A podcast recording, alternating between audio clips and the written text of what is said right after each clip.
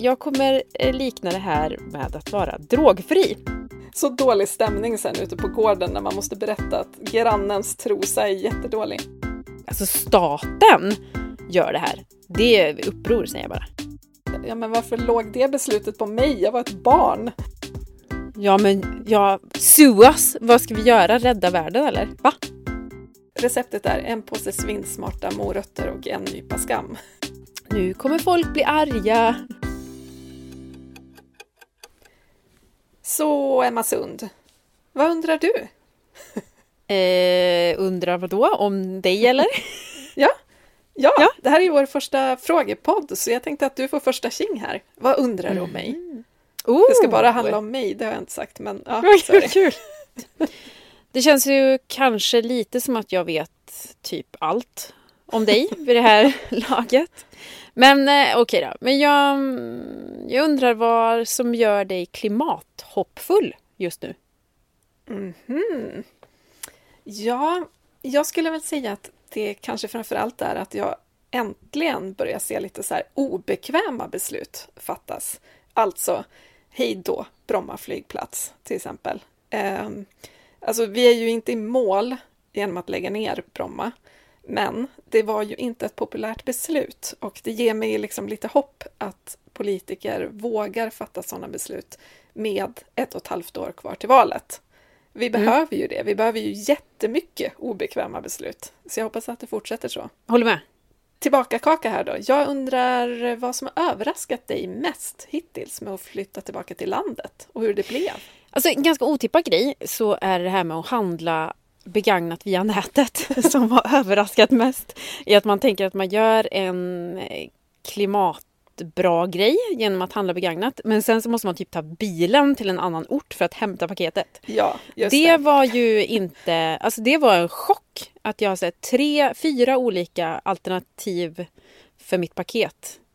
Eh, antingen kommer det hem eller till lanthandeln eller in till Karlstad som är två mil bort eller till en annan ort två mil åt andra, ett helt fel håll. Så att ja, det har varit lite chockartat måste jag säga. Från att ha varit den här stadsbon som bara har kunnat pipa ner på kiosken och hämta sitt paket. Men nu, nu var det ju här, nu var det liksom inte först och främst tänkt att eh, det var vi som skulle ställa frågor till varandra, utan det var eh, lyssnarnas frågor som vi ska svara på. Och istället för, vi brukar ha ett klipp i början, men istället eh, för det så tänker jag att vi drar igång med eh, fråga nummer ett. Och det blir i röstmemoform.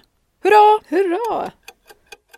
Hej Plan B-podden! Jag heter Anna Svedberg och först måste jag berömma er. Ni är en sån härlig duo att få följa och inspireras av. Du Emma som är en idéspruta utan dess like och Maria som är mer analytisk och hoppar på och vidareutvecklar idéerna. Det är jättekul att höra. Jag undrar, vad gör ni, vad får er att lyfta, att lyfta upp och, och fortsätta när ni känner er nedslagna? Eh, för det kan jag själv råka ut för då och då.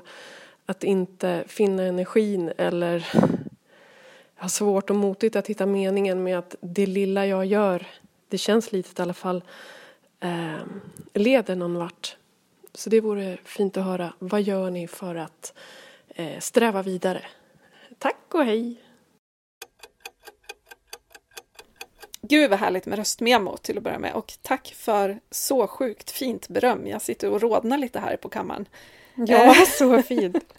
Men jag tänker så här, eh, när det känns motigt så får jag liksom elda på tävlingsmänniskan i mig lite grann. Så här, försöka skapa mesta möjliga effekt med det jag gör.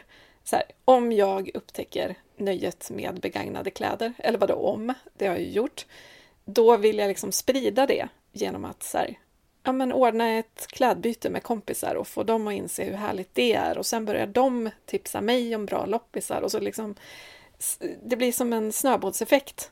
Och varje gång jag lyckas med det, då känner jag att jag får hoppet tillbaka. Och dessutom att jag reagerar när något känns fel. Typ så här, ett företag gör någonting som känns helt uppåt väggarna. Att jag verkligen tar mig tiden och sätter mig och mejlar dem och berättar vad jag tycker. Det känns så här gött i magen att jag agerar i linje med mina värderingar. Då liksom får jag bra energi. Fattar du vad jag menar? Jag håller med. Eh, mitt mål är ju skavfritt liv 2022. 2021 helst. eh, helst igår. Men det är också mitt driv att, eh, ja, men, att inte gå emot mina värderingar. Utan att leva i göttet över att jag faktiskt gör no någonting vettigt med min tid här på den här planeten. Och sen så har jag ju också den här, eh, det är inte så mycket morot utan det är någonting helt annat. Men jag funderar väldigt mycket på vad jag ska säga till mina barn i framtiden när de frågar vad jag gjorde när jag hade chansen. Så det här är liksom en göttig mix av både morot och någon form av skam. Skam är inte jättegött och det är ingenting jag rekommenderar eh, i största allmänhet. Men kontentan för mig är ju att jag lever mer som jag lär. Och precis som du säger, så här, det är skönt att göra och se liksom världen puttas i rätt riktning. Ja, exakt. Så det är någon så här, en, en påse, receptet är en påse svinsmarta morötter och en nypa skam. Då kommer man någon vart. ja, helst inte skam. Det funkar på mig i alla fall, eh, på mig själv. Men eh, jag tänker ofta att det känns, eller så här, min upplevelse är att Ofta känns trösklarna skithöga för att saker och ting ska förändras. Men ofta så är de så svinlåga till delmålen, tänker jag. Att det kanske är svårt att få till en hel cykelväg från landsbygden in till stan, men man kan väcka frågan. Eh, och det är ett, ett liksom delmål i sig. Och eh, man inser också att folk kanske är med på samma tåg, vilket gör att man inser att det finns en gemenskap. Ehm, det finns lyhörda beslutsfattare. Alltså så här, hela tiden visa på det positiva, att det faktiskt finns massa drivna människor där ute. Där har ju Klimatklubben en stor funktion. Dels eh, Stora Klimatklubben, men jag har ju faktiskt också startat en Klimatklubben Karlstad där jag bor. Det inser man att det finns liksom en stor klick människor med enormt driv och klimathjärtat på rätt plats. Eh, sen när jag känner att det är motigt, då ringer jag en vän och det är du. ja, ja, men så är det ju. Eller rättare sagt, vi poddar och har någon slags terapitimme i bandat format här. Ja, Sen har jag faktiskt, jag tänker slänga in ett litet tips också. Det finns ett nyhetsbrev som heter Warp News, alltså W-A-R-P News. Eh, det är på svenska och de skickar faktabaserad optimism med jämna mellanrum till ens inkorg. Ja, det är faktiskt supertrevligt för att även om det såklart liksom medierna fylls med neg negativa nyheter också så får det där nyhetsbrevet mig att inse att saker går framåt. Eh, mm. Även om det inte alltid känns så. Så det tycker jag alla ska prenumerera på för jag blir liksom alltid glad när det där dyker upp och så läser jag och så får jag lära mig jättekonstiga saker för det är väldigt blandad mix. Så det är ett tips. Bra tips Maria! Okej, dags för nästa fråga och den här kommer från en Emma via Instagram och det är inte jag som har ställt frågor till mig själv och dig, utan det är en annan Emma. Hur lärde ni känna varandra? Ja, alltså, den här var jag tvungen att fundera lite på.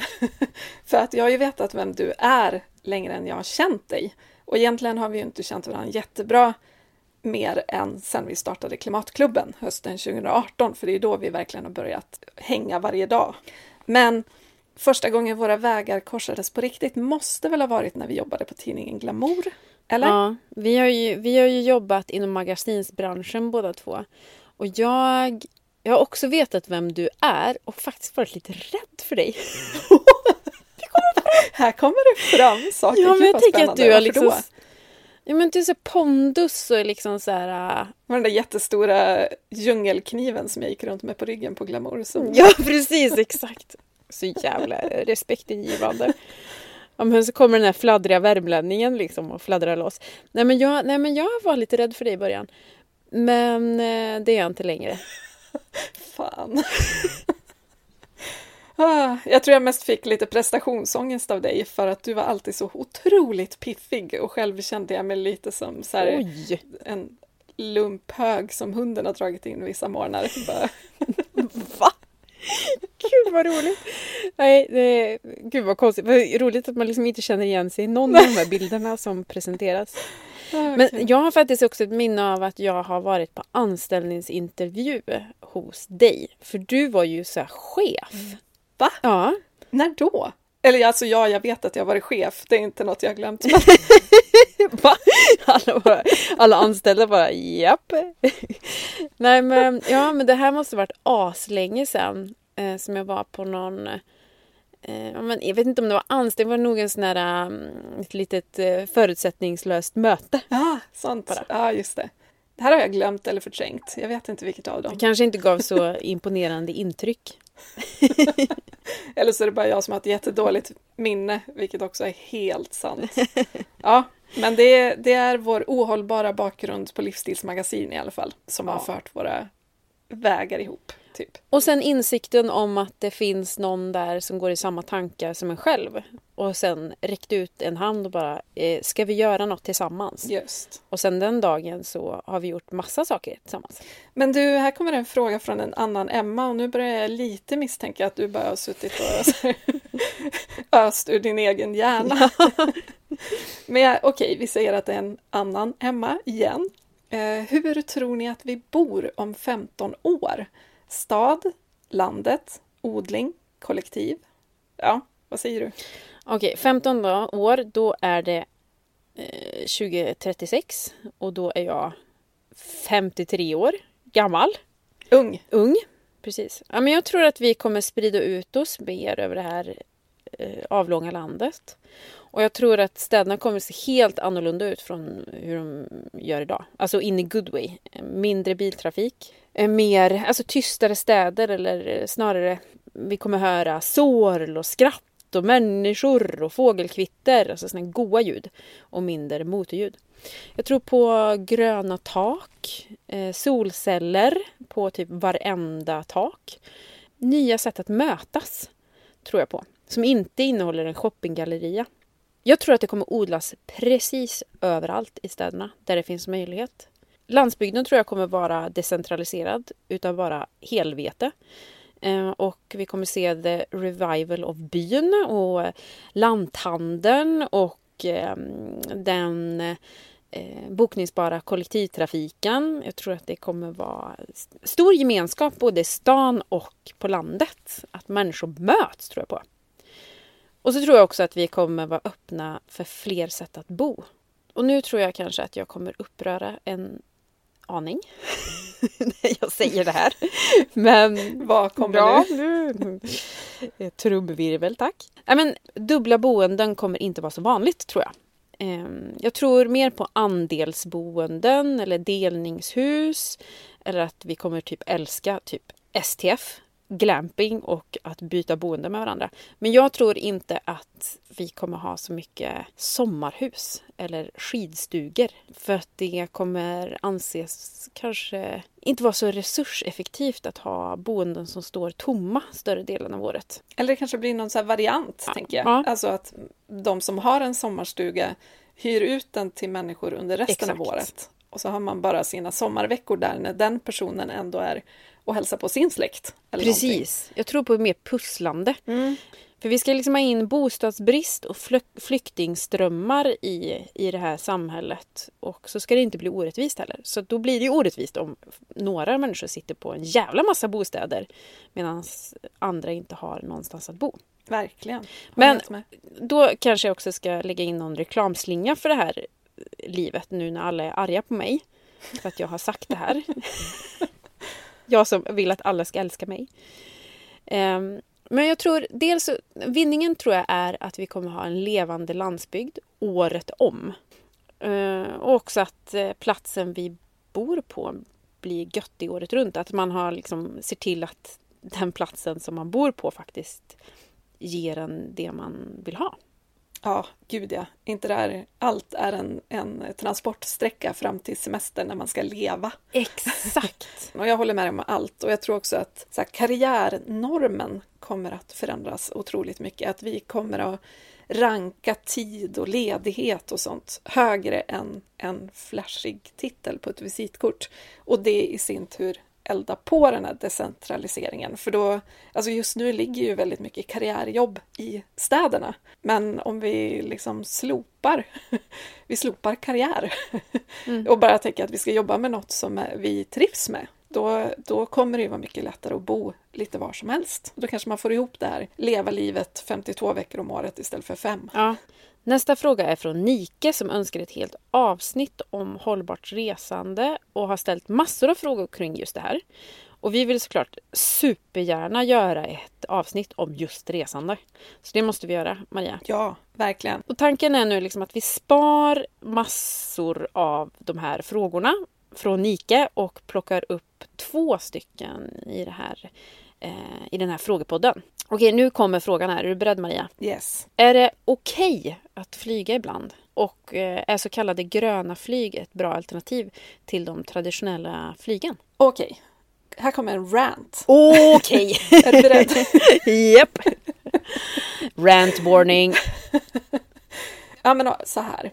Det är ju inte den här sällsynta sällanflygresan till typ kusinerna eller bästisen i USA eller någonting sånt så här, vart tredje år eller vart femte år. Det är inte den som är problemet, utan problemet är ju det här slentrianmässiga flygandet. Alltså att vi flyger till Göteborg för ett jobbmöte. Eller att vi flyger till Köpenhamn för att unna oss en liten weekend. Eller vi flyger till Medelhavet på påsklovet och London på höstlovet, Thailand på jullovet och så vidare. Och det är framförallt normen ska sägas. Ja men precis, flyget är norm. Och när det gäller semester så tror jag vi tänker väldigt mycket att vi ska ta oss så långt som möjligt på så kort tid som möjligt. Snarare än att se resan som en del av upplevelsen som man gör när man tågluffar till exempel. Mm. Då är det ju liksom hela poängen, den här upplevelsen att sitta och snacka med främlingar i en tågkupé. Nu har vi liksom hamnat i ett tänk som gör att vi måste bara checka in, stressa, komma fram. Så jag tycker dels att vi måste så börja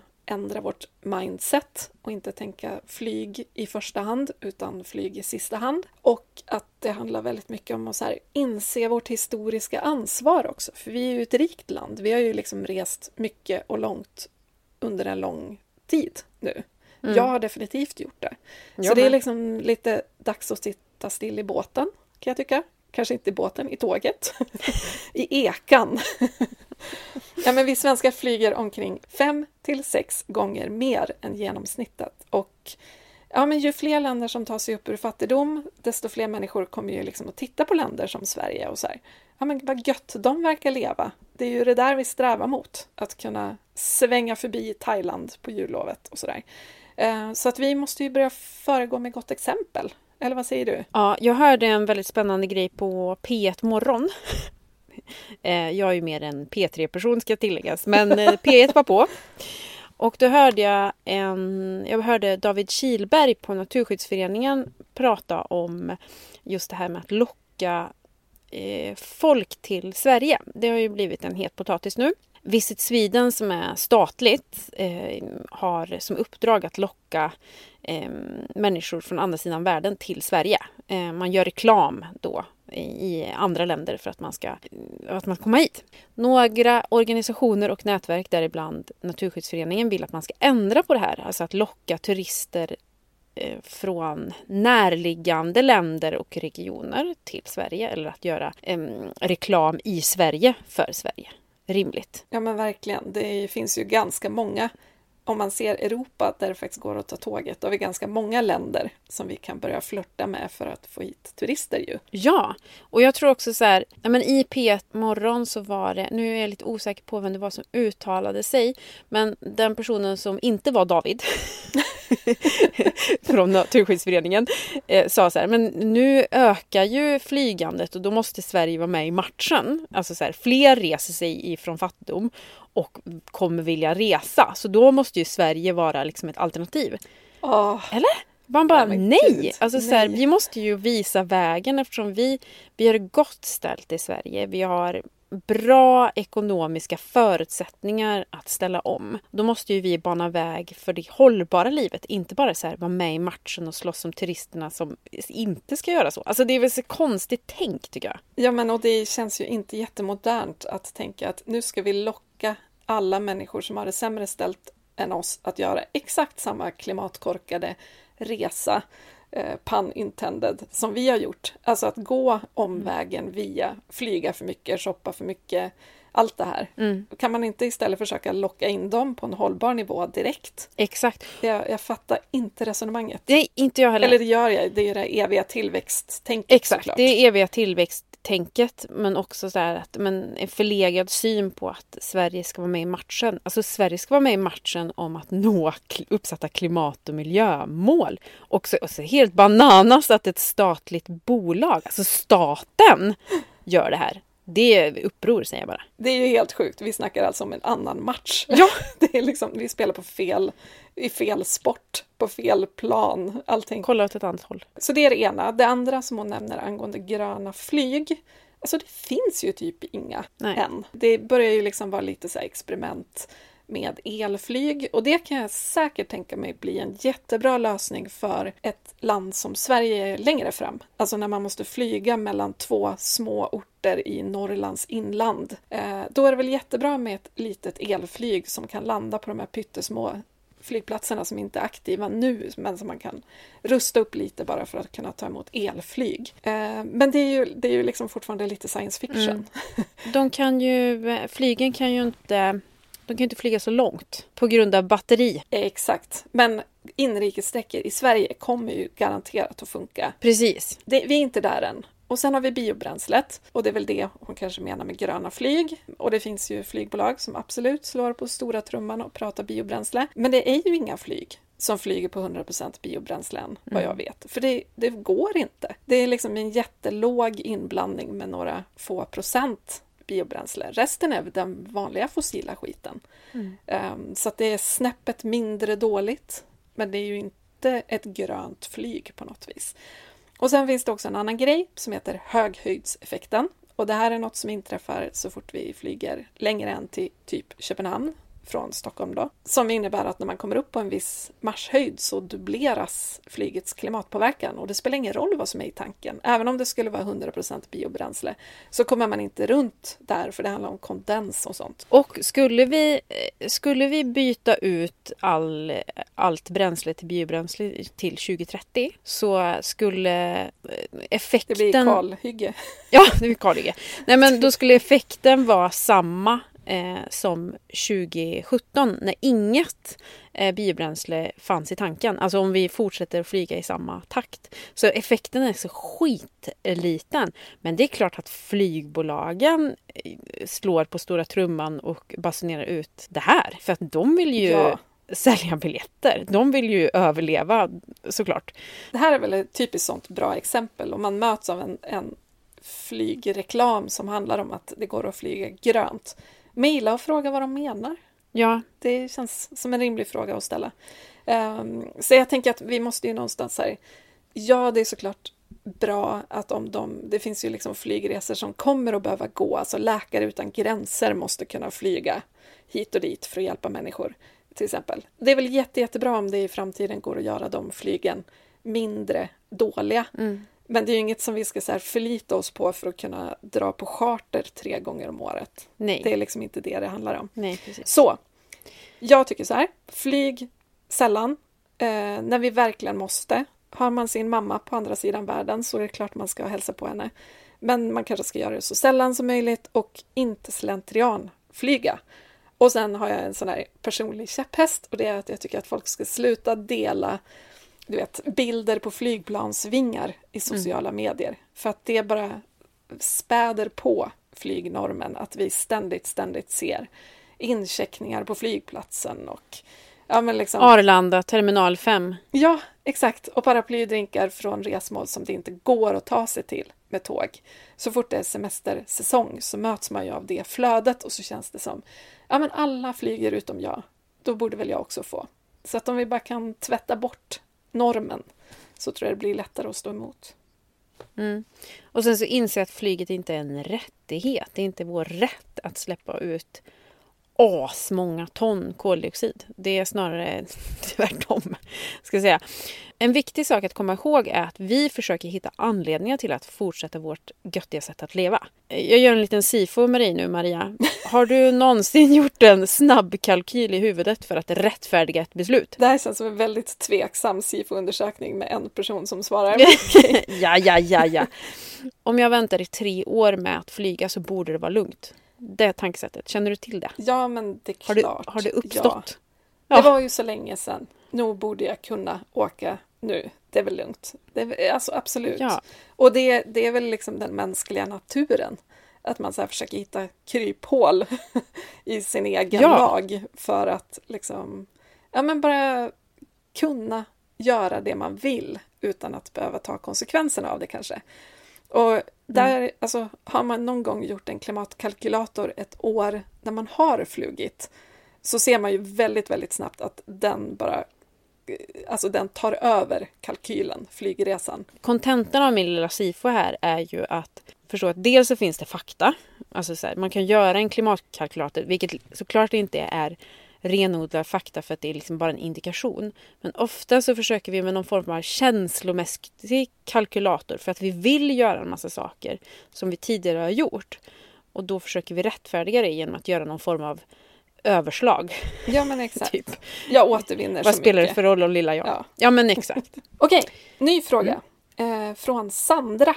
Om man någon gång måste köpa nya kläder, vad ska man tänka på? Material, märkning och så vidare. Okej, nu tar jag på mig hatten som sån här oberoende SR-anställd på Klimatradion. som måste inflika lite olika saker för att liksom inte typ bli stämd.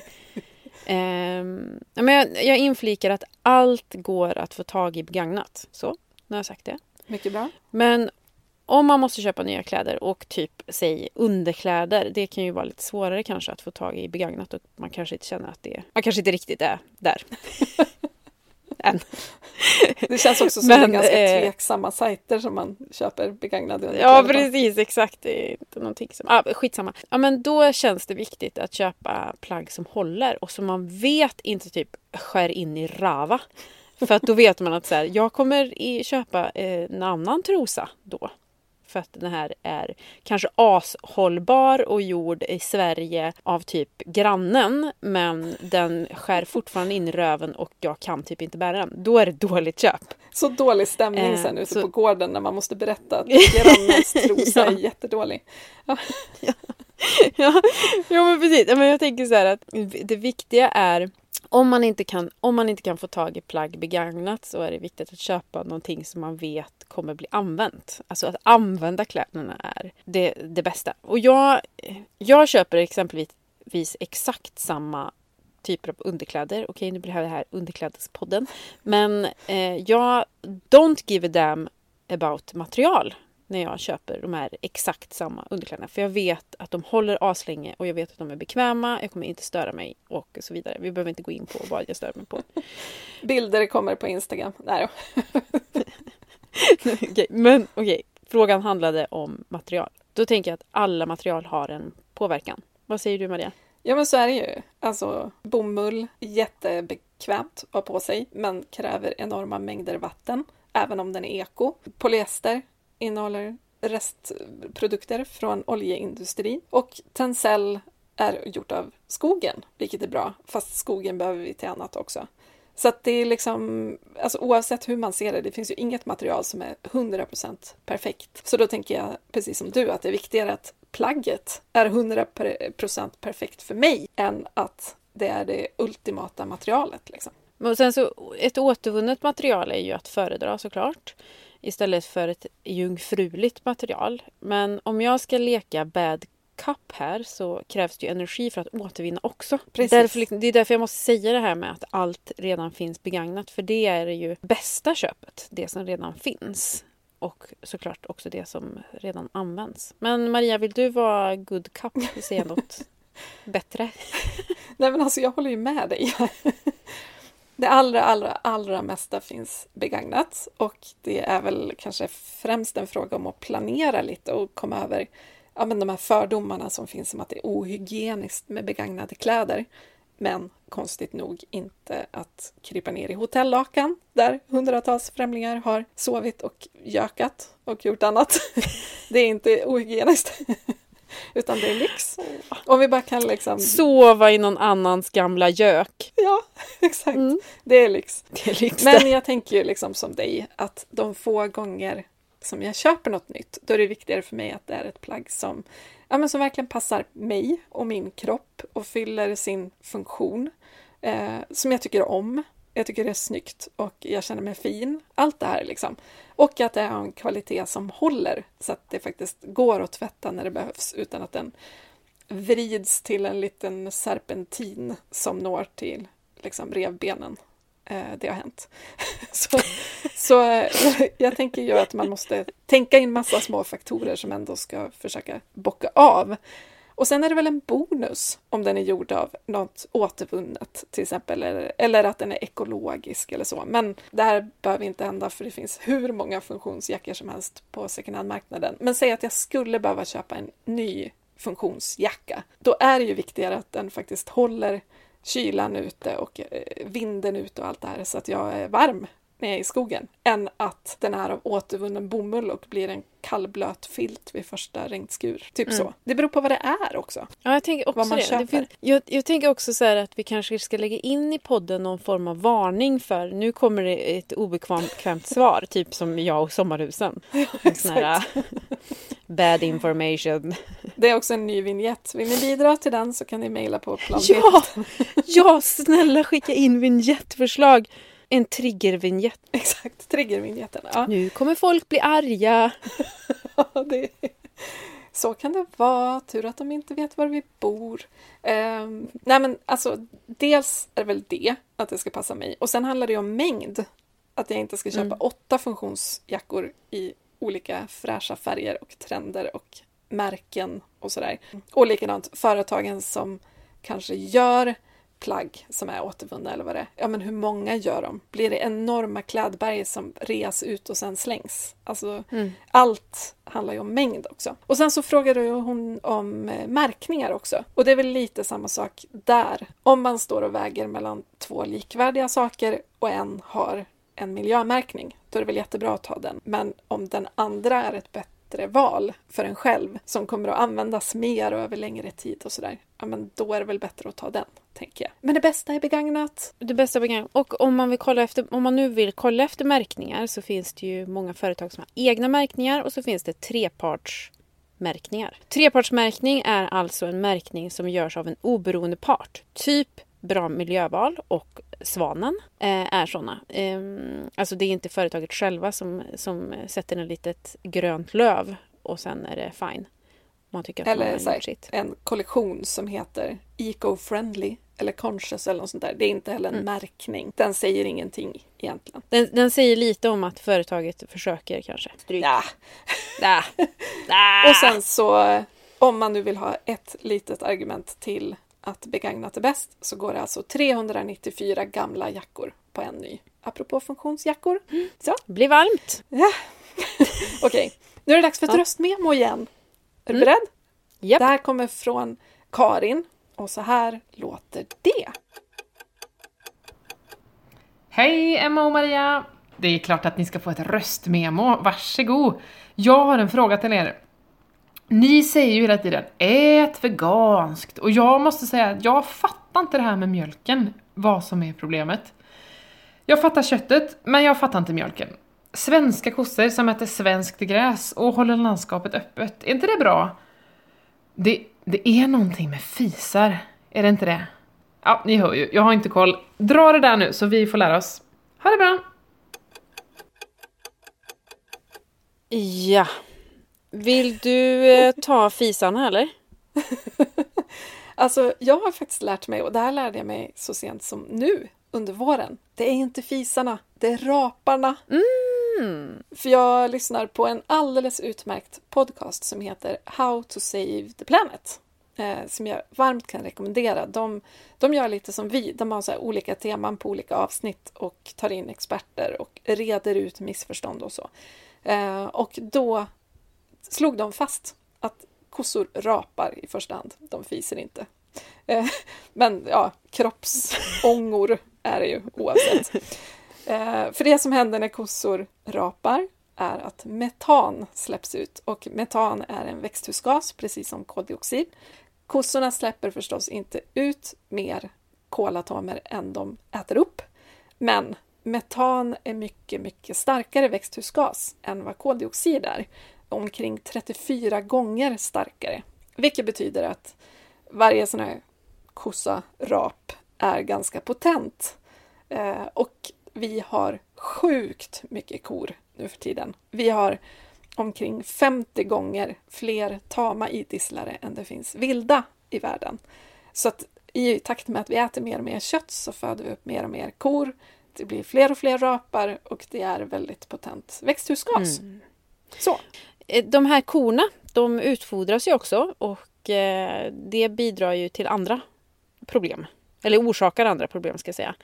Att odla foder kräver jordbruksmark och inte sällan innebär att skog och i värsta fall regnskog skövlas för att man ska då odla det här fodret.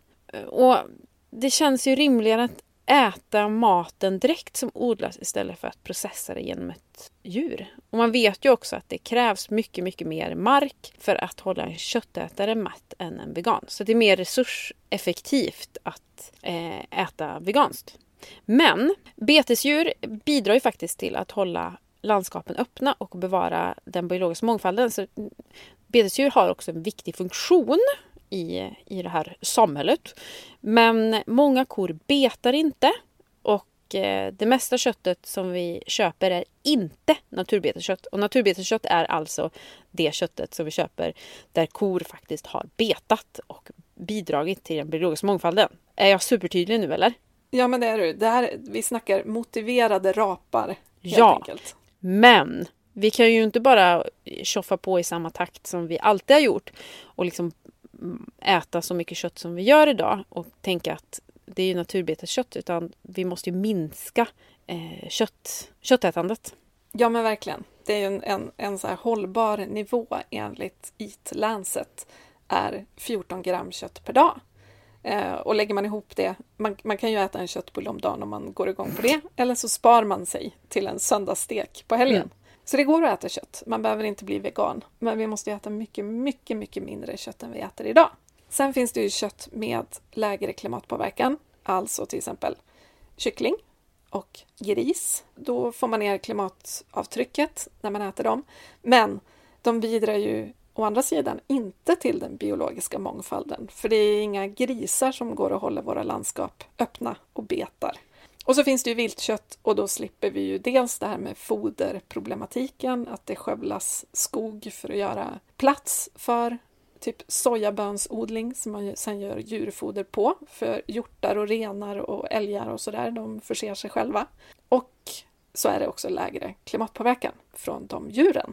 Så det finns ju bättre och sämre kött helt enkelt. Så vi måste minska köttet och vi måste välja med omsorg vilket kött vi faktiskt äter. Ja, det var inte kött hon ville veta någonting om utan det här rabblar vi bara för skojs skull. Utan det var faktiskt mjölk och ost. Och det här är ju våra stora laster också, eller hur Maria? Ja, gud ja. Osten. Eh, don't, don't get me started on hur härligt det är med Mm, ost. nej, det ska vi inte prata om nu. Men mjölk och ost kommer ju från kor. Och eh, därför hamnar en del av utsläppen som korna genererar genom foder och rapar på mejerivarorna också, såklart. Men det är bättre för klimatet med mjölk än kött eftersom en ko producerar mycket mer mjölk än kött under sin livstid. Det ser ju sig självt. Kött blir det bara en gång av. Ja. Det är ingen förnybar resurs Nej, för kossan om man det- börjar ta köttet. Den dör. Ehm, Den dör. den där. Och så länge kossan lever och producerar mjölk så kan den ju också beta om man vill se det så. Mm. Den dag vi tar köttet då slutar kossan att beta också. Så att det, är ju, det är ju definitivt bättre. Men både mjölk och ost har höga klimatavtryck. Så man ska ju såklart minska även det. Sammanfattningsvis, vi måste äta mindre kött, mindre mjölk, mindre ost. Men vi kan fortfarande äta det och lyxa till ibland om vi skulle vilja. Och när man ska välja kött så väljer vi såklart naturbeteskött så vi bidrar till den biologiska mångfalden och öppna landskap. Yes! Nu kommer en ny fråga och det här är från Johanna. Kan ni uppleva att ni har bättre och sämre perioder i att ta bra beslut och val? Hur hittar man uthållighet? Um, ja, men så är det ju. Det är väl som med allt annat, tänker jag, att när man har en hyfsad balans i livet, ehm, då känns det mesta bra. Då hinner man så här, man menar jag jag, då hinner jag sova hyfsat bra. Jag kanske till och med tränar Eh, tvätten blir vikt. Jag lägger inte 80 steg efter med att hitta barnjeans i rätt storlek på second hand. Och så vidare. Men, och så kommer man in i en period när det blir lite för mycket. Eh, kanske mycket på jobbet och lite pandemi och så vab på det. Och så blir det kaos. Men alltså, jag försöker tänka att det är det jag gör ofta. Alltså, kanske till och med varje dag. Det är det som spelar roll på riktigt och att undantagen är undantag. Så mitt mål är att undantagen ska bli färre och färre. Mm. Eh, och sen försöker jag också tänka att systemet motarbetar mig. Det är synd om mig. så länge jag jobbar för större förändringar i samhället, alltså till exempel jobba med Klimatklubben, så väger det liksom tyngre än att jag vid något enstaka tillfälle tvingades ta typ en fossiltaxi för att få ihop livet. Mm. Hur resonerar du? Ja, men jag håller med. Ibland så puttas man in i det där. Vad spelar det för roll om lilla jag? För att man, ja, man tar en shortcut helt enkelt. Vissa perioder äter jag mer kött exempelvis. Men mitt mål är ju att leva fossilfritt, vilket är i princip eh, omöjligt eftersom vi lever i det där samhället som vi inte är så nöjda med. Men, eh, och nu, nu kanske jag går in på en lite svajig liknelse här. Trigger warning. Eh, jag kommer eh, likna det här med att vara drogfri. Oj! Ja, nu får vi se vart det här tar. Ja, men jag vill inte få ett återfall. Eh, om ni förstår vad jag menar. För då är det jäkla lätt. Då är det liksom som... Ja, men så här. Om jag börjar shoppa nytt till exempel. Eller tar flyget till Medelhavet. Eller ja, men gör de här klimathaltande saker som jag vet är kast. Men som, så här, som jag har levt utan väldigt länge. Då känns det som att jag kastas tillbaka. Att jag får ett återfall. Och att det är lättare att liksom, ja, men, gräva ner sig där i. Liksom så här, men jag har ju ändå gjort det här så då kan jag ändå göra det här för det spelar ingen roll. Liksom. Så att mitt mål är att liksom inte få ett återfall om ni förstår vad jag menar. Är, det, är, är jag ute på hal is? Nej, men nej, jag fattar. För det är ju så länge man liksom känner sig duktig så är man också motiverad att fortsätta. Men om man känner sig dålig för att man har gjort något dåligt, då är det ju ganska lätt att bara tänka, ja men fuck it, jag har redan förstört det här. Eh, jag, Ja, men nu kan precis. lika bra göra det här och det här också när jag ändå har pajat allting. Och där får man väl vara lite snäll med sig själv, tänker jag också. Att så, här, så länge det är ett undantag så är det bara att ta nya tag igen nästa dag. Liksom. Mm, man vill inte hamna i den här ungdomsrevolten. Som man kan känna sig. Det finns, en, det finns en, liksom ett, ett hot om den här ungdomsrevolten som kan göra sig påmind ibland. Man bara, äh fuck it. Verkligen. Men så att mitt, mm, mitt, mitt mission är liksom att hålla mig fossilfri och att liksom inte, inte få återfall i det här äh, ganska ohälsosamma livet. Ehm, faktiskt. Det är inte personligt, o- eller ja, det är personligt eh, ohälsosamt men framförallt världsohälsosamt. Och det är därför jag vill åt någon form av ranson. Och trigger warning, trigger det är mycket trigger warning. obekväma Nej, men- saker i det här avsnittet. Jag tror att jag faktiskt skulle må ganska bra att ha någon form av ranson. Att få längta och njuta och inse att ja, men är det slut så är det slut. Det går inte att få tag på de här äh, snabba quickfixen. Eller liksom, det, nu är det så här. Det var ju skit. Herregud, vi, vi, det är ju vad vi försöker lära våra barn och andras barn hela tiden. Att man så här ska... Ja, men nu är det, slu- är det slut så är det slut. Men själva lever vi på någon form av kredit. Så ge mig ranson. För tusan. Absolut. Eh, Det här jackar ju ganska bra in i nästa fråga från Veronica. Om ni får välja tre åtgärder samhället bör ta för att klara klimatkrisen, vilka? 1. Ge Emma en ranson. Men får vi ta tre var? ja, det får vi. Mm. Vad vill Ja, du men- ha? Ja, men då vill jag faktiskt ha ransonering. Alltså klimathaltande produkter och tjänster ska ha ett maxtak. Potatis kommer vara fritt. För det har ett lågt klimatavtryck. Kommer kunna äta så jävla mycket potatis.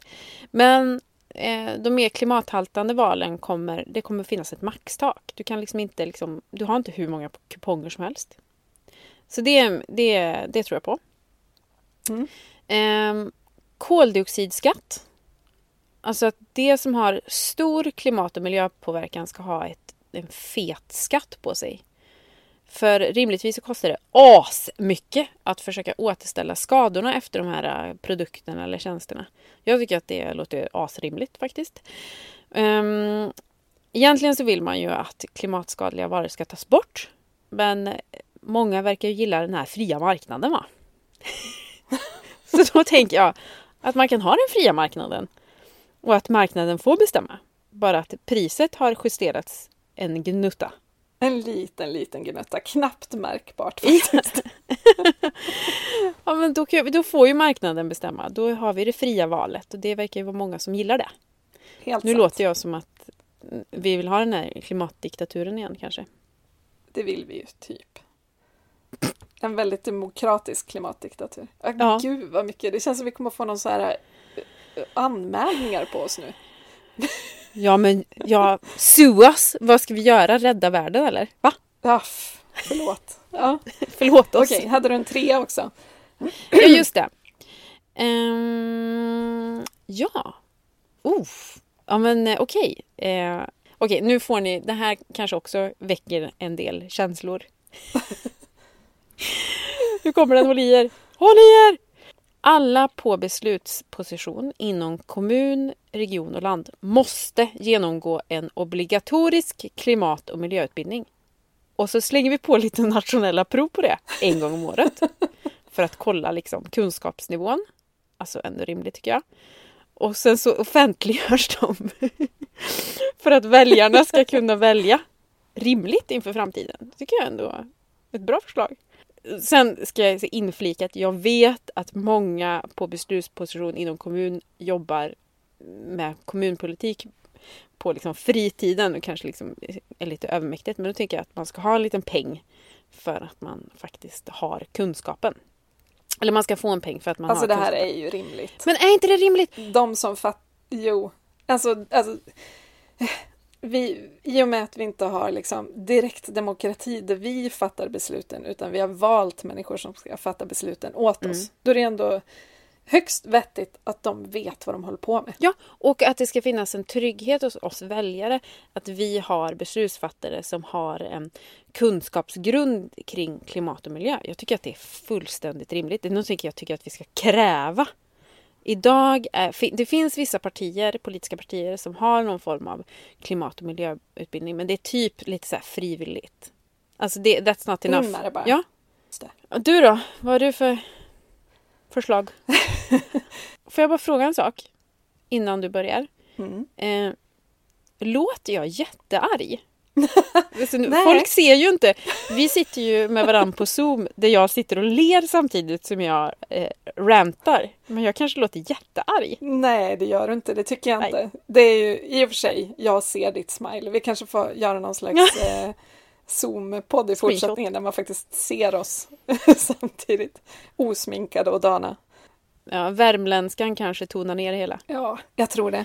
Okej. Ja, men okej. Maria, kör. Ja, jag har ju då Jag har ju då skrivit ett blogginlägg ganska nyligen som heter 12 lagar jag vill se införda nu. Så tre räcker inte för mig tyvärr. Mm. Men om jag ska begränsa mig lite grann då och plocka några utöver det du sa så vill jag ha det här. Totalt producentansvar. Mm. Alltså alla som tillverkar något, oavsett om man gör en slagborr eller en telefon eller en tröja, måste liksom ta ansvar för hela livscykeln och inte bara eh, vägen fram till butikshyllan och sen tänka nu är det inte mitt problem om den går sönder. Mm. Utan om något går sönder, då måste det här företaget antingen laga prylen eller tillhandahålla reservdelar. Eller liksom, ja men se till att, att eh, prylar håller så länge som möjligt och inte behöver bytas ut. Ja. Och om någonting till slut måste kasseras, för så blir det ju, eh, då är det företaget som måste hantera det här, samla in grejerna, plocka isär dem i sina pyttesmå beståndsdelar, återvinna varje skruv på rätt sätt eller återbruka den, det som går. Um, och då tänker jag att så här, förutom att det är högst rimligt så skulle plötsligt såna här saker som planerat åldrande, det skulle ju bara försvinna. Mm. För det skulle ju innebära jättemycket problem för företagen då ju. Eh, om allting går sönder efter ett år och så måste de hantera tusen reklamationer och försöka laga eh, någonting av halvkass kvalitet. Det vill jag. Alltså det här är går så bra, smart Maria. Bara, vi- nu beslutar vi det. Så. Klart. Okej. Punkt två. Internationell ekocidlagstiftning. Fint ord, va? Mm. Det är inte jag som har kommit på det. I nuläget är det ju typ överallt, eller det är nog förbjudet överallt. Man får inte döda andra människor, Rimligt. rimligt. Men man får ha ihjäl vår planet, trots att det på sikt dödar ännu fler människor. Det vill säga, jag vill få stopp på planetmordet. Eh, Det ska inte vara okej att släppa ut gifter, det ska inte vara okej att ösa ut fossila, fossila avgaser och fossila utsläpp i den liksom, takt vi gör idag. Utan då blir det fan böter. Maria for Nej, men jag- president! jag- Ja. Ja, men jag tycker det är orimligt att... Och, och framförallt så tänker jag att om man skulle införa det här att det verkligen det är förbjudet att ha ihjäl vår planet, då skulle ju det signalera till alla individer och politiker och företag att det här är den viktigaste frågan. Mm. Och det sista, eh, jag vill ha ett så globalt krav på företags åtaganden. För nu kan ju vilket företag som helst säga så här, ja men vi ska vara klimatneutrala 2055. Åh vad vi är duktiga. Och sen är det ingen som kollar upp hur det går. Och det är ingen som kommer att kolla år 2055 om de är klimatneutrala eller inte, utan allting bygger ju på någon så här god vilja och frivillighet. Och jag tänker att alla företag måste ha en plan för att de ska vara klimatneutrala typ 2030. Är väl rimligt. Ska de ha... Eh, och följ, att det följs upp varje år. Mm. Annars får man väl näringsförbud eller något. Jag vet inte.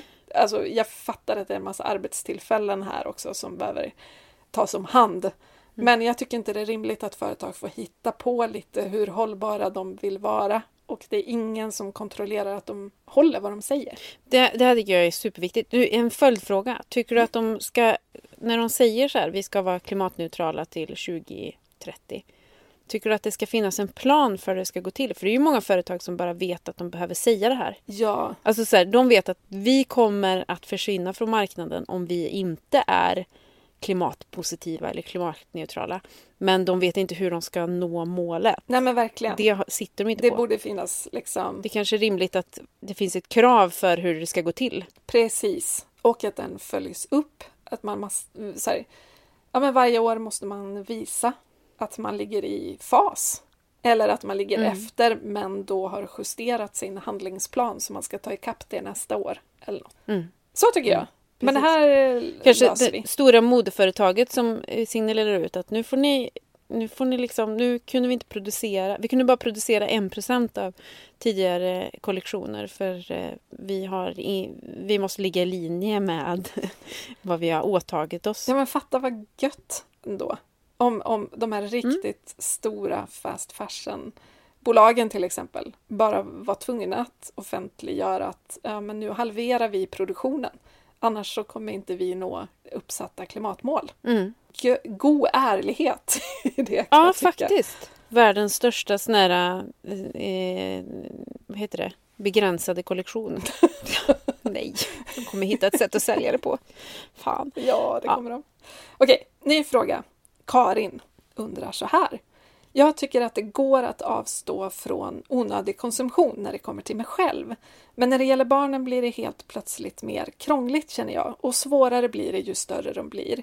Vi pratar jättemycket om klimatet och hur ens val får konsekvenser för miljön. Men ibland gör det ont att neka dem sånt som deras vänner får utan diskussion.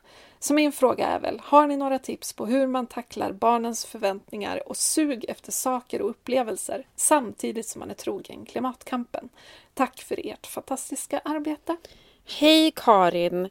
Eh, relaterar. Jag är fortfarande ganska små barn men mitt standardsvar när de önskar sig något det är eh, Absolut, vi ska hålla utkik på loppis. För att jag tänker att det ger dem någon form av hopp. There is a chance. Men de får också lära sig att allting inte serveras på en gång. Men jag tänker att det är en del av, av vad jag ger dem i form av uppfostran är kunskapen om att allting inte finns precis just nu. Allting går inte att få tag i och att man faktiskt får lära sig att vänta, att tålamod. Um, som min pappa sa när jag var liten och önskade mig en häst så sa han så här Emma, jag lovar dig att du ska få en häst när jag vinner en miljon. Och jag blev så jävla glad. Jag bara, pappa det är världens snällaste. Sen insåg jag ju så att det var inte så enkelt att, att vinna en miljon. Men har man små barn så funkar det ganska bra. Men jag tror att vi måste återanvända tanken om hur privilegierade vi är. Alltså om och om och om igen. Och att när trycket kommer från kompisar att vara, även om det är svårt att stå emot, att vara någon form av motreaktion mot det. För att jag tänker att den här hållbara bubblan måste bli större. Ja men verkligen. Vad säger du Maria? Jo, jag håller helt med och jag gör lite samma sak. Antingen säger jag vi får hålla utkik på loppis eller så säger jag du får önska dig när du fyller år. Mm. Eh, nej, men liksom att man får önska sig till jul och till födelsedag för då säger jag ju samma sak där att det finns, här, ja, men det finns en chans. Men det är bara en chans också, det är ju inte ett löfte. Så att jag tänker att det är rimligt att de förstår att man inte kan få allt man vill Mm. ha, precis som du sa. Och sen så får man ju också ta med en nypa salt där med att alla andra har. alla andra i, i ett barns värld är typ två och en halv person. Sen fattar ju jag att, jag menar mina barn är åtta och dina är ännu yngre. Vi har ju fortfarande inte erfarenhet av att ha tonåringar hemma som vars kompisar, ja men till exempel reser med sin familj. Så länge inte vi har den erfarenheten så är det också svårt att veta hur vi kommer att tackla den. Men jag, jag vidhåller ju på något vis också att så här, jag vill ju hellre vara den lite tråkiga, trista mamman nu och sen vara mamman som, som liksom barnet i efterhand inser gjorde allt för att vi skulle få ordning på klimatet än mamman som, som gav med sig och köpte charterresa och ny telefon och allting och gjorde barnet glatt där och då. Och sen så när barnet blir större och förstår bättre och säger men mamma varför gjorde vi allt det här? Ja men du bad om det. Ja men varför låg det beslutet på mig? Jag var ett barn. Jag tycker ju någonstans att vi måste vara den vuxna här i situationen och bara säga att ja men det funkar inte. Det, Mm. det funkar inte. Planeten mår dåligt. Vi kan inte göra det här just nu. Och att andra gör det kanske beror på att de inte har förstått allvaret. Men vi har förstått allvaret. Gud vad jag tycker att du satte fingret på något viktigt att just vara den vuxna Ja, i, i liksom situationen. Det är ju våran roll. det är inte alltid kul. Inte att liksom men vara... så är det. Nej, det är inte alltid kul. Men eh, å andra sidan får vi käka godis när vi vill. Perks. Det gäller bara att vänta till ett visst klockslag när andra sover. Ja. Ja. Nej men jag tänker att ja, men vissa saker är liksom rätt otacksamt med att vara förälder. Men det här är ju en, alltså det här är det viktigaste vi kan göra. Att förbereda dem på liksom en annan typ av samhälle. ja, Men också så här att ja, men få, vi måste vara liksom de vuxna i rummet. Så att säga. verkligen. Ja, nej, men tycker jag var väldigt bra inflik måste jag säga. Dags för en ny röstmemo-fråga. Och så här låter den. Hej Maria och Emma. Jag heter Ida och nu är det typ nionde tagningen här så att jag hoppas att jag sätter den någorlunda. Jag tycker väldigt mycket om att lyssna på er podd och jag älskade er bok Gör skillnad från klimatångest till handlingskraft. Jag läste den för några månader sedan och kände mig superpeppad efteråt att eh, engagera mig för klimatet. Sen dess har jag försökt lära mig mer och funderat jättemycket kring på hur kan jag skapa ett hållbart engagemang som känns roligt eh, för mig och där jag kan bidra med mina unika gåvor. Jag är inte direkt personen som vill ställa mig längst fram i ett demonstrationståg och ropa och eh, tilltalas inte heller riktigt av att sitta i styrelsemöten med dagordningar och den typen av sammanhang. Jag gillar att eh, vara kreativ, eh, formge, skriva och förpacka saker snyggt hemma vid mitt eh, skrivbord. Så det skulle vara kul att höra era tankar kring att hitta ett klimatengagemang som går i linje med en själv men som också kan göra skillnad. För det är lite min farhåga att jag ska starta upp något projekt, eh, någon hemsida kanske och ett Instagramkonto och sen att det inte når ut. Ehm, att jag lägger ner mycket tid i någonting som inte gör skillnad helt enkelt. Ja, sen funderar jag en hel del kring också det här med sitt uttryck och sin ton. Jag tycker ni uttrycker er fantastiskt i er podd eh, och i era böcker. Alltså det, er ton är rolig och den är mänsklig och den är liksom inte predikande. Hur har ni tänkt när ni har skapat er ton? Har det fallit sig naturligt utifrån era personligheter? Eller är det någonting ni har försökt eh, forma så att det passar en viss målgrupp? Ja, det här med målgrupp tycker jag är spännande. Vad, vad gör man störst skillnad? Är det att nå de som inte är så insatta i klimatfrågan eller är det att nå de som är väldigt insatta i klimatfrågan? Också den här äh, tanken på, ska jag engagera och inspirera till att göra omställning på ett privat plan eller på ett systematiskt plan eller kanske en kombination av båda. Så sammanfattningsvis, att skapa ett hållbart engagemang som känns roligt för en själv och att hitta sin unika ton som når en äh, viss målgrupp då, som kan göra skillnad. Stort tack för er inspiration till att eh, bidra till klimatet. Ja, alltså vilken spännande fråga. Eh, just det här med engagemang tycker jag är sjukt intressant för det finns så många olika sätt att engagera sig. Man kanske inte är personen som står längst fram i demonstrationståget eller den som eh, ropar högst på manifestationen men man vill bidra. Och jag tänker att det, det har jag verkligen lärt mig genom mina år i Klimatklubben att engagemang kan se så olika ut och tonen som hon är inne på också kan vara liksom hoppfull och det kan vara kul att engagera sig snarare än liksom så här nu måste vi dra in den här namninsamlingen. Ett exempel på det är en kampanj som jag har dragit igång i Karlstad som heter Låt hela Karlstad blomma. Som handlar om att eh, engagera medborgare i Karlstad kommun att eh, odla blommor och vi kallar den för liksom en kampanj som både är väldoftande, välgörande och jädrigt vacker. På det här sättet vill vi eh, öka kunskapen om biologisk mångfald och pollinatörer, alltså de här eh, viktiga, viktiga trädgårdsmästarna som vi är beroende av för vår matförsörjning. Det har varit väldigt kul att jobba med den här kampanjen för att det, det handlar bara om att så här, eh, bolla idéer hur man kan uppmärksamma kampanjen. Ja, men vi kanske ska göra en krans av blommor och sätta runt eh, statyn, Solastatyn Sola-statyn i Karlstad som är liksom den mest kända statyn i Karlstad. Och så tar man en bild och så lägger man ut på Instagram och det är så här, det är jävligt kreativt, det är kul, man får träffa människor. Vi är så här, en arbetsgrupp som jobbar med det här och det är härligt. Alltså man får typ så här odla och känna att man gör något gött och det blir vackert och det är bara Ja men härligt. det där är väl precis egentligen vad hon säger. Alltså hon vill vara kreativ och formge och förpacka saker snyggt vid skrivbordet. Och allt det du beskriver behöver ju det också. Och sen behöver man också Mm. ta det ut, alltså posta det på sociala medier och engagera andra som ska gå ut och ta det här vidare och man, någon behöver gå till statyn och hänga upp eller någon behöver binda kransen och så vidare. Mm. Men liksom, det, det behövs ju verkligen den här skrivbordspersonen som vill sitta och fnula på paketeringen av en kampanj. Ja, och den behövs så mycket. Ja, och det är ju det du och jag alltid har gått igång på. Det är därför vi redan från dag ett med Klimatklubben bestämde att det ska vara ett snyggt Instagramkonto. Man ska komma in och känna det här vill jag följa för det är vackra bilder och det är en tonalitet som känns inspirerande och sådär. Mm. Väldigt få likar bilder i här, konferenslysrörsrum. Exakt. Just den här typen av yrken eller engagemang så kommer vi behöva se mer av i framtiden för att expertis finns det. Men hur man kommunicerar ut det, det är inte alltid så tillgängligt eller inspirerande.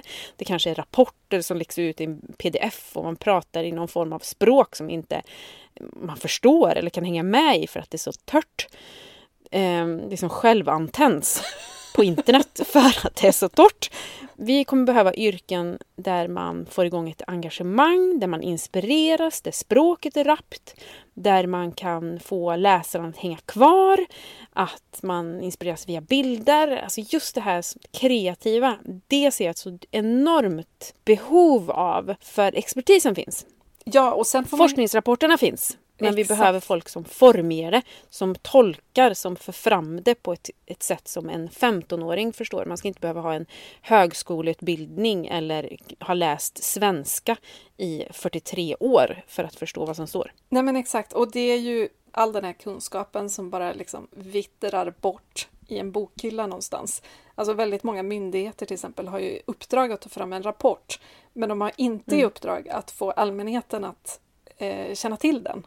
Utan det hänger lite Det på medierna och medierna har mycket att göra och prioriterar inte alltid rätt. Och alltså det, det behövs ju verkligen eh, här, content managers för planeten, typ.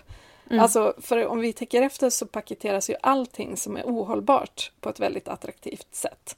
Mm. Alltså flygresorna förpackas med vackra bilder på resmålen och kläder, det är liksom glammiga photoshoppade modebilder och allting. Allting får en härlig yta utom det viktiga och det lite torra och det som faktiskt betyder något just nu. Och då måste vi kanske Mm. prata lite samma språk för att folk är inte vana att ta del av information som inte ser ut så. Mm. så då, och det är väl liksom det hon, hon, eh, Ida frågar ju här om, om, om vår tonalitet och vårt uttryck och vi var väl väldigt eniga redan från start i att så här, men vi måste prata på ett rappt och roligt och liksom medryckande vis.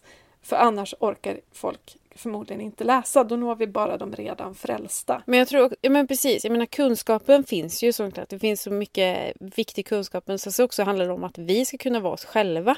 Vi ska liksom inte kunna, eller vi ska inte behöva anpassa oss till en mall som, som finns. Utan det handlar ju om att vi behöver massa olika människor som kommunicerar på massa olika sätt. Vi behöver få alla med på tåget och det är så, vi är olika. Verkligen. Och där har ju vi haft ett problem, för någonstans är väl vår målgrupp typ så många som möjligt. Eh, Men vi kommer inte att nå alla. För det behövs också människor som är jättebra Mm. på att prata med medelålders män som gillar att köra Mm. bil. Och det är inte vi. Eh, Och det behövs människor med en annan hudfärg Mm. som pratar om de här frågorna som eh, man kan relatera till om man inte ser ut som vi och så vidare och så vidare. Någon måste vara bra på att prata med de här tonåringarna som säger att alla andra får nya telefoner och charterresor. Så att jag, just när hon frågar om det här med målgrupper så tänker jag att ja, hon var ju i och för sig inne på det här, ska jag inspirera till förändring på privat plan eller systematiskt plan? Och där tänker jag att det hänger ihop. Alltså om man inspirerar individer till förändring så inspirerar man förhoppningsvis till systemförändring också. Men jag tycker absolut att om man har en ingång i en viss målgrupp, säg att det är idrottsrörelsen Mm. eller, inte vet jag, eh, skidvärlden eller någonting. Alltså gå på den om du har ingångar där. För att det är oftast lättare att prata med människor som, som man liksom redan har en relation till Mm. på något vis. Jag håller med dig. Också så här, just att väva samman det individuella och systemförändringarna. Alltså, till exempel om, jag vill börja cykla för min egen utsläpps skull så helt plötsligt inser jag så här, fan det finns inga cykelbanor. Då måste jag ju in i systemförändringen. Eller så här, som i förskola och skola. Så här, man vill att barnen ska äta klimatsmart. Eh, då bestämmer man det på ett individuellt plan. Men så inser man att skolmaten innehåller mat och ett vegetariskt alternativ. Alltså typ så här en korv och en vegetarisk korv. Eller kyckling och en vegetarisk kyckling. Och man inser så här, fan kan vi inte bara göra att, eh, kan vi inte bara bestämma att all mat som, som serveras i förskola och skola är klimatsmart mat? Punkt. Ja men exakt. Så att det, det är som du är inne på, alltså allt hänger samman. Ja, eh, och jag, jag tror verkligen att bara man börjar engagera sig någonstans så kommer det att växa. För plötsligt så ser man att så här, ja, men här kan jag hjälpa till. Eller fan vad sjukt att det är så här. Det här måste vi förändra. Undrar vad jag ska, kan göra för att bidra till det. Eller åh, nu träffade jag fem nya personer i mitt liv som jag blev kompis med för att vi liksom har hittat varann Mm. genom att engagera oss i en viss fråga. Så att eh, bara sätt igång. Mm. Just do it, som Nike hade sagt. Ja men gjort. Och då inser man också hur mycket som måste formges. Ja, Man drar igång Ja, saker. alltså Man det- behöver så jädra mycket kreativitet. Det är ju också så jädra roligt där. Det är ju det mest kreativa man kan göra, att eh, rädda planeten. Ja, men det är det faktiskt. Det är Mm. svårt, det är utmanande. Det finns mycket vackra inslag man kan ta fasta på, för det handlar Mm. om nat- natur och miljö. Eh, och så krävs det ganska mycket jävlar anamma. Så alla som har det, bara hugg i. Mm. Och vill du ha det så är också ett tips att ge dig in i den här Eller frågan. hur? Men du Maria, nu har vi babblat på här och jädrar vad kul det var att få frågor. Ja, och vi har ju fått fler frågor som vi inte har hunnit besvara tyvärr. Men för att ni ska kunna ha ett liv och gå ut och engagera er lite och inte bara lyssna på oss så kanske vi får spara dem till nästa frågepodd. Eller vad säger du? Vi återkommer inom kort Exakt. med ytterligare en frågepodd. Då kommer vi svara på resten av frågorna. Och det är ju bra, för då kan ni skicka fler frågor. Ja, Och nu har ni ju hört hur kul det är med röstmemo, så kom igen nu. Fler vill vi ha. Skicka dem till planbpodden at gmail.com så tar vi med dem i nästa podd. ja och glöm nu eh, för 17 gubbar att skicka in förslag till rant-vinjetten eller vad den nu ska heta. Triggervarning-vinjetten vi, eh, där vi ger obekväma förslag. Exakt, den kommer att låta som Hajen, Ja. hör jag i mitt Ja, huvud. kanske det. Eh, ja, men det. Vi behöver en sån, tror jag. Verkligen. Eh, så skicka gärna in förslag på eh, varningssignal. Signal. Precis. Och skicka frågor i alla kanaler, Instagram eller mejla. Eller röstmemo då. Ja. Och vi finns på Insta, kan ju vara bra att säga också. Plan ni B-podden. skicka frågor den vägen. Plan B-podden heter vi där. Och så får ni jättegärna prenumerera på oss där poddar finns och ge oss några stjärnor i betyg och kanske ett omdöme, för då blir vi sjukt glada. Ja, gud vad härligt. Men du, eh, kul att snicksnacka Maria. Vi hörs snart igen. Tack allihopa för att ni lyssnar. Ha det så bra. Ha det så bra. Hej hej! Hej!